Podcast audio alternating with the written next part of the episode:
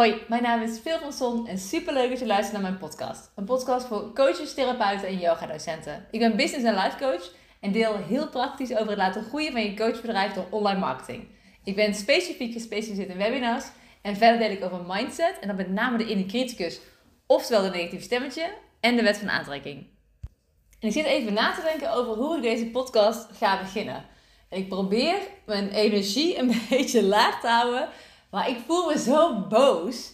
Echt, oh my god. Als ik ergens een hekel aan heb, dan is het nepinteresse. Echt van die nepinteresse die je voelt op kilometers afstand. Dat zeg maar.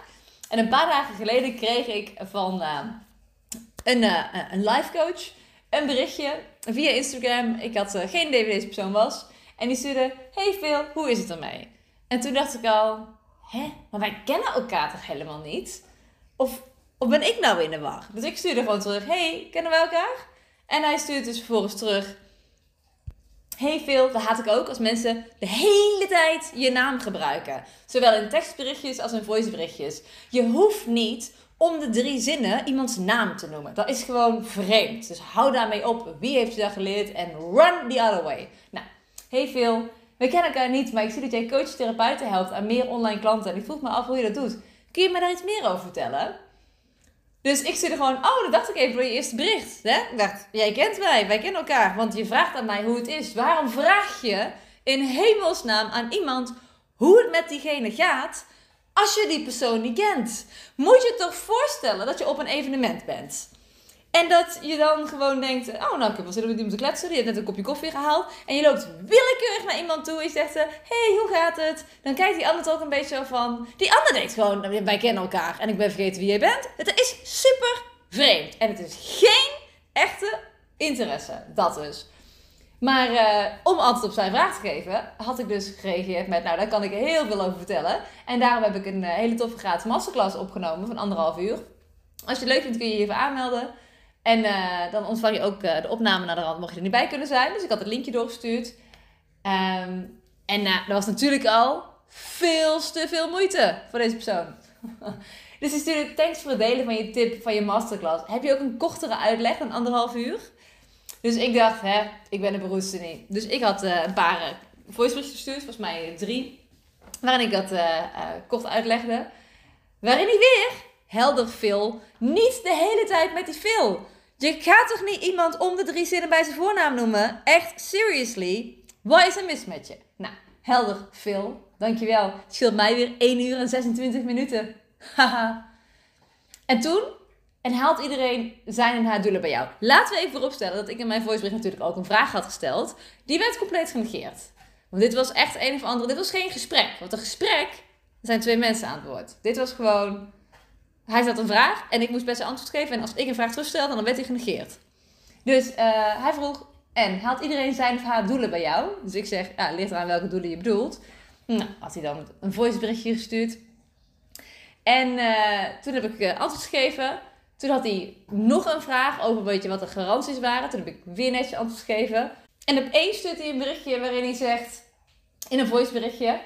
Met, uh, oh, het lijkt me leuk om een keer met je te bellen over wat je doet. Als jou dat ook leuk lijkt. En ik voelde al de hele tijd, wanneer gaat die komen? Toch? Je wacht er gewoon op. Ik voelde het al bij de, hoe is het ermee? Veel. Daar voelde ik al, nou, ik ben benieuwd wanneer die gaat komen. Maar zijn Instagram profiel uh, was van dat hij life coach was. Dus toen dacht ik, waarom probeer je mij op deze hele vreemde manier klant te maken?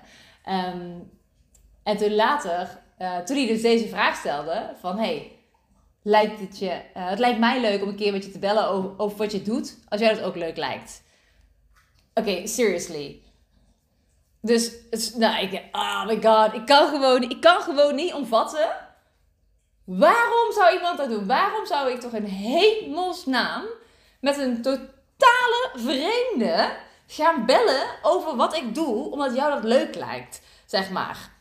Want ik voelde al dat zijn intentie niet zuiver was. Maar de regel is, en dat telt bij alles. Dat telt in je bedrijf, in je liefdesrelatie, in je vriendschaprelaties. Als je een aanname doet, moet je hem checken. Nou, ik deed een aanname, maar ik heb hem wel eerst even gecheckt. Voordat ik boos werd. Nee, ik werd niet boos. ik ben nu boos, maar ik heb mijn boosheid wel bewaard voor, voor buiten deze persoon. Maar ik checkte hem. Dus ik zeg, is je intentie met het gesprek om erachter te komen uh, hoe en of ik jou verder kan helpen met de groei van je bedrijf? Of heb jij een andere intentie? En, uh, want zijn Instagram profiel is dat hij life coach is en mensen helpt met uh, stress en dergelijke. Maar op zijn website, waar ik toen toch maar even op ben gaan kijken, want ik dacht, oké, was hij ook opeens business coach. En toen dacht ik, ja, ja, ja, ja, ja. en toen uh, stuurde hij dus terug, nee, nee, nee, is mijn intentie is om te sparren, kijken wat eruit komt, wat we voor elkaar kunnen betekenen, wellicht qua netwerk. En echt, werkelijk waar, ik heb hier ook een Instagram post over geschreven, want ik, moest toen al direct mijn frustratie kwijt. Die heb ik ook echt in, volgens mij, 5 tot 10 minuten geschreven. Um, en daar heb ik um, verwoord als in, waarom zou het mij in hemelsnaam leuk lijken om daarover te bellen met een volslagen vreemde waar ik letterlijk niks van weet en die mij drie nep-interessevragen heeft gesteld. Nou, dit heb ik ook naar hem toegestuurd. en het berichtje kan ik je wel even af laten luisteren. Het is in ieder geval, het is echt oprecht een, een vriendelijk, maar wel met dezelfde boodschap bericht. Komt ie aan. Dan laten we hierbij. Ga ik je wel even een stukje onvraagd advies geven. Mag je zelf weten wat je ermee doet. Maar um, jij hebt natuurlijk een aantal vragen aan mij gesteld. Ik heb uh, ook wel een vraag aan jou gesteld, maar daar had je toen niet volgens mij echt antwoord op gegeven. Um, maar jij weet dus wat ik doe, hoe ik dat doe en dat ik daar uh, heel goed in ben. Ik weet helemaal niks over jou. Dus waarom zou ik een, gesprek willen om te kijken wat we voor elkaar kunnen betekenen als ik geen idee heb uh, wie je bent en wat je doet en, en, wat kom je brengen? Dus dat klinkt heel onvriendelijk, bedoel ik absoluut niet zo. Maar als je ehm, iets wil van iemand, om het maar even heel plat te zeggen wat kom je dan brengen? Dat is even een hele belangrijke. Voor de volgende keer. Zelfde boodschap, maar dan uh, wel vriendelijk. Dus, dus het kan wel, ook al denk je, ah, dat. maar, kijk, deze persoon is gewoon zoals één van de uh, mensen die hilarisch reageerde op mijn Instagram post net. Uh, die zei namelijk dat zij deze week drie van dit soort jeugdpuisjes in HDM had. dus dat was zich wel een hilarische omschrijving. Maar dus deze persoon, die, die, ik voel gewoon aan alles. Vooral omdat je eigenlijk life coach bent, maar op je website ben je opeens business coach. Die heeft gewoon besloten, dit is een hele goede uh, tactiek om mensen klant te maken. Ik vind het echt walgelijk. Maar ik zeg ja, ik heb er gewoon geen antwoord voor. Ik vind het walgelijk, ik vind het verschrikkelijk. En um, ja, niet doen. Gewoon niet doen. Maar stel je nou voor dat je dus wel op zoek bent naar samenwerkingen uh, om bijvoorbeeld een podcast samen op te nemen of om een Instagram live samen te doen, dan is dit ook nog steeds niet de manier. want, oh ja, dus, dus heel even, want zijn reactie op mijn voiceberichtje was dat, uh, en dan moet ik hem goed zeggen, mensen dan in het gesprek erachter komen wat hij te bieden heeft. Holy shit. Je bent toch geen fucking verrassingsei? Hoe is het, zeg maar? Dus ik heb ook teruggestuurd in een tekstberichtje, want ik was bang dat ik anders mijn woede niet voor me kon houden in mijn stem. Maar ik heb een tekstberichtje teruggestuurd. Waarom zouden mensen een tijdinvestering doen voor een gesprek? Om pas in het gesprek erachter te komen wat jij te bieden hebt. Tijd is oprecht ons kostbaarste bezit. Waarom ben je niet upfront over wat jij te bieden hebt, zodat mensen op basis daarvan kunnen besluiten of ze daar meer tijd in willen besteden? Wie leert deze mensen dat dit een goede manier van marketing doen is? Dit is echt, dit is de definitie van leuren en sleuren. Als je het hebt over je wil niet meer leuren en sleuren voor klanten, dit is toch de definitie daarvan. En hoe ongelooflijk unsatisfying en awkward moeten die gesprekken zijn die je dan hebt, waarin jij denkt dat iemand interesse heeft in wat je doet en je eigenlijk alleen maar klant wil maken, terwijl daar 0,0 sprake van was. Want je wist letterlijk niet eens dat die persoon business coach zou zijn of zo. Nou, eh, dit soort dingen, ik hoop dat je die ook ruikt van een afstand. Um, en wees altijd, uh, als je denkt van, hé, uh, hey, maar wat nou eigenlijk je intentie? Mag je het altijd aan iemand vragen, hè? Dus ik heb ook gewoon gevraagd, is je intentie met het gesprek om erachter te komen hoe en of ik je verder kan helpen met de groei van je bedrijf? Of heb je een andere intentie? Je mag altijd naar iemands intentie vragen. Dus weet dat. Um, ja, ik ben, ik ben echt flabbergasted over wie deze nep-tactiek leert. Ik, uh, ik had mijn Instagram-post die ik erover heb geschreven, die heb ik ook geëindigd met wat is er in... Oh nee, niet wat is er in hemelsnaam, want ik wil de hemelsnaam niet gebruiken. Wat is er gebeurd met oprechtheid?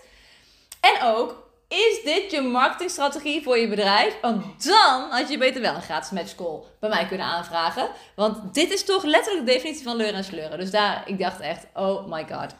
Dat. Dit uh, moest eruit. Soms voel je toch een bepaald vuur of zo. Dat je denkt, oh my god, dit moet er gewoon uit. Dit, uh, ladies and gentlemen, is geen vorm van marketing. Dit is echt uh, despicable, walgelijk. Uh, doe het niet. Ik hoop ook niet dat jij wordt lastiggevallen door mensen die dit doen. Um, ja, dat eigenlijk vooral. En uh, als dit wel je marketingtechniek is en die wil fatsoenlijke marketingtechniek, of dit is niet je marketingtechniek Uh, maar je weet eigenlijk niet zo goed hoe je dan wel uh, aan klanten en omzet moet komen. En je wil een goede marketingstrategie. Nou, dan mag je altijd even een gratis groeigesprek bij me aanvragen. En dan zal ik je nooit sneaky in mijn hol trekken. Zoals deze persoon probeerde te doen. dan ga ik gewoon oprecht met je het gesprek aan. Lekker via een videocall, één op één. Dan gaan we even video bellen. En dan uh, ga ik gewoon met je meedenken. En misschien ben ik de persoon die je kan helpen in een van mijn programma's. En misschien iemand anders. En dan zal ik iemand anders aanraden. Maar mocht je willen weten uh, uh, of en hoe ik je verder kan helpen, ga dan even naar mijn website www.veelvanzon.nl slash gratis-streepje groeigesprek. Of ga gewoon naar de navigatiebar en klik daar op groeigesprek. Um, ja, wie weet spreken we elkaar snel. Je kan ook altijd even een berichtje sturen via Instagram. En daar kun je me volgen op veel.van.zon. Veel van zon, maar dan met puntjes ertussen. Stuur me even een berichtje en dan kunnen we daar ook verder praten. Ik uh, hoop dat je hebt genoten van deze podcast en tot de volgende.